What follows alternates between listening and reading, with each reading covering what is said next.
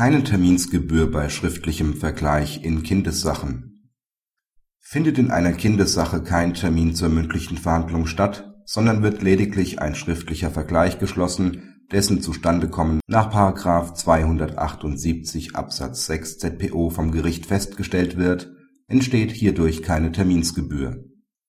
In einem Verfahren über das Aufenthaltsbestimmungsrecht hatten die Parteien einen Vergleich geschlossen und durch Beschluss gemäß § 278 Absatz 6 ZPO das Zustandekommen dieses Vergleichs vom Gericht feststellen lassen.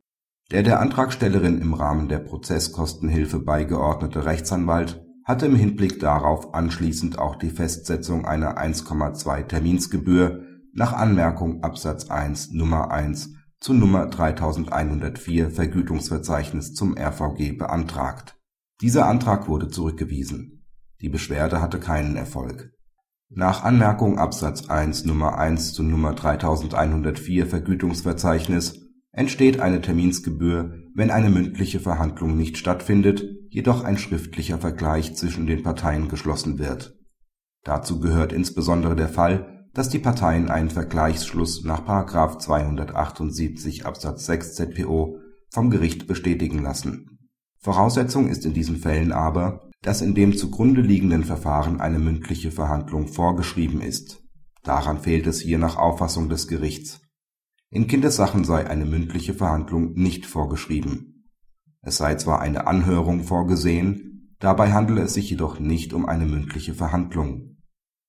Auch sei die Rechtsprechung des BGH zur Terminsgebühr in den früheren WEG-Verfahren nicht übertragbar, weil in den früheren WEG-Verfahren aufgrund der Sollbestimmung in § 44 WEG eine mündliche Verhandlung faktisch vorgeschrieben war. So verhalte es sich jedoch nicht in Kindessachen.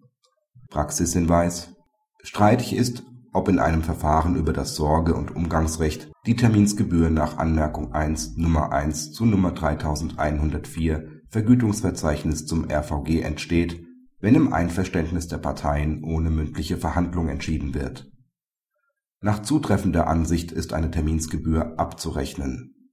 Nach anderer Ansicht fällt dagegen keine Terminsgebühr an.